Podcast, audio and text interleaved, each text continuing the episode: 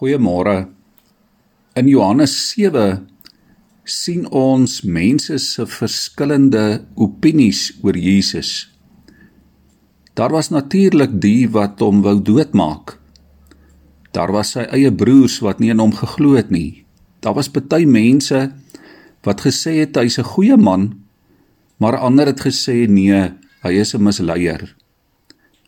Ander weer het gesê dat Jesus van die duiwel besete was. Baie mense het tot geloof in hom gekom. Daar was ook die wat gesê het hy is werklik die profeet, hy is die Christus. Die priesterhoofde en die fariseërs wou hom laat vang. Vers 43 sê daar was baie verdeeldheid onder die mense oor Jesus. Die punt is dat sommiges geglo het en ander dalk die meerderheid het nie geglo nie. Dalk is dit goed om in hierdie tyd vir jouself uit te maak. Wat maak jy met Jesus?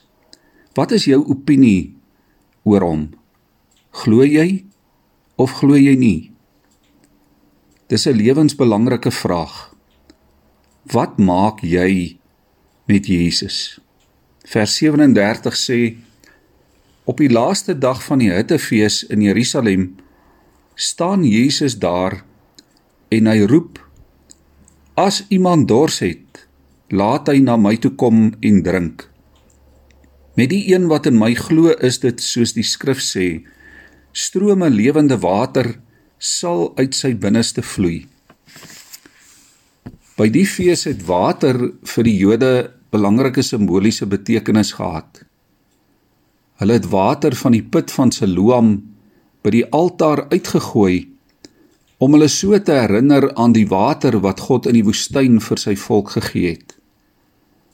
En hulle het ook geglo dat daar in die laaste dae 'n stroom water uit die tempel sal kom wat oor die hele wêreld sal vloei. En nou kom staan Jesus en hy roep: Kom na my toe, kom drink by my en strome lewende water sal uit jou binneste vloei.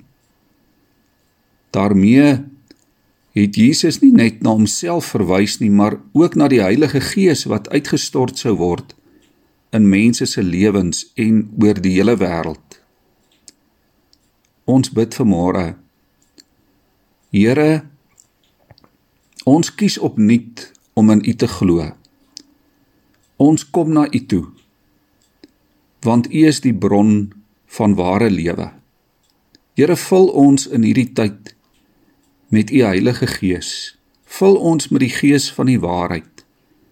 U gees van onderskeiding. U gees van krag, U gees van kalmte. U gees van nuwe lewe. Sodat U lewende water ook deur ons na die wêreld rondom ons kan vloei. Amen.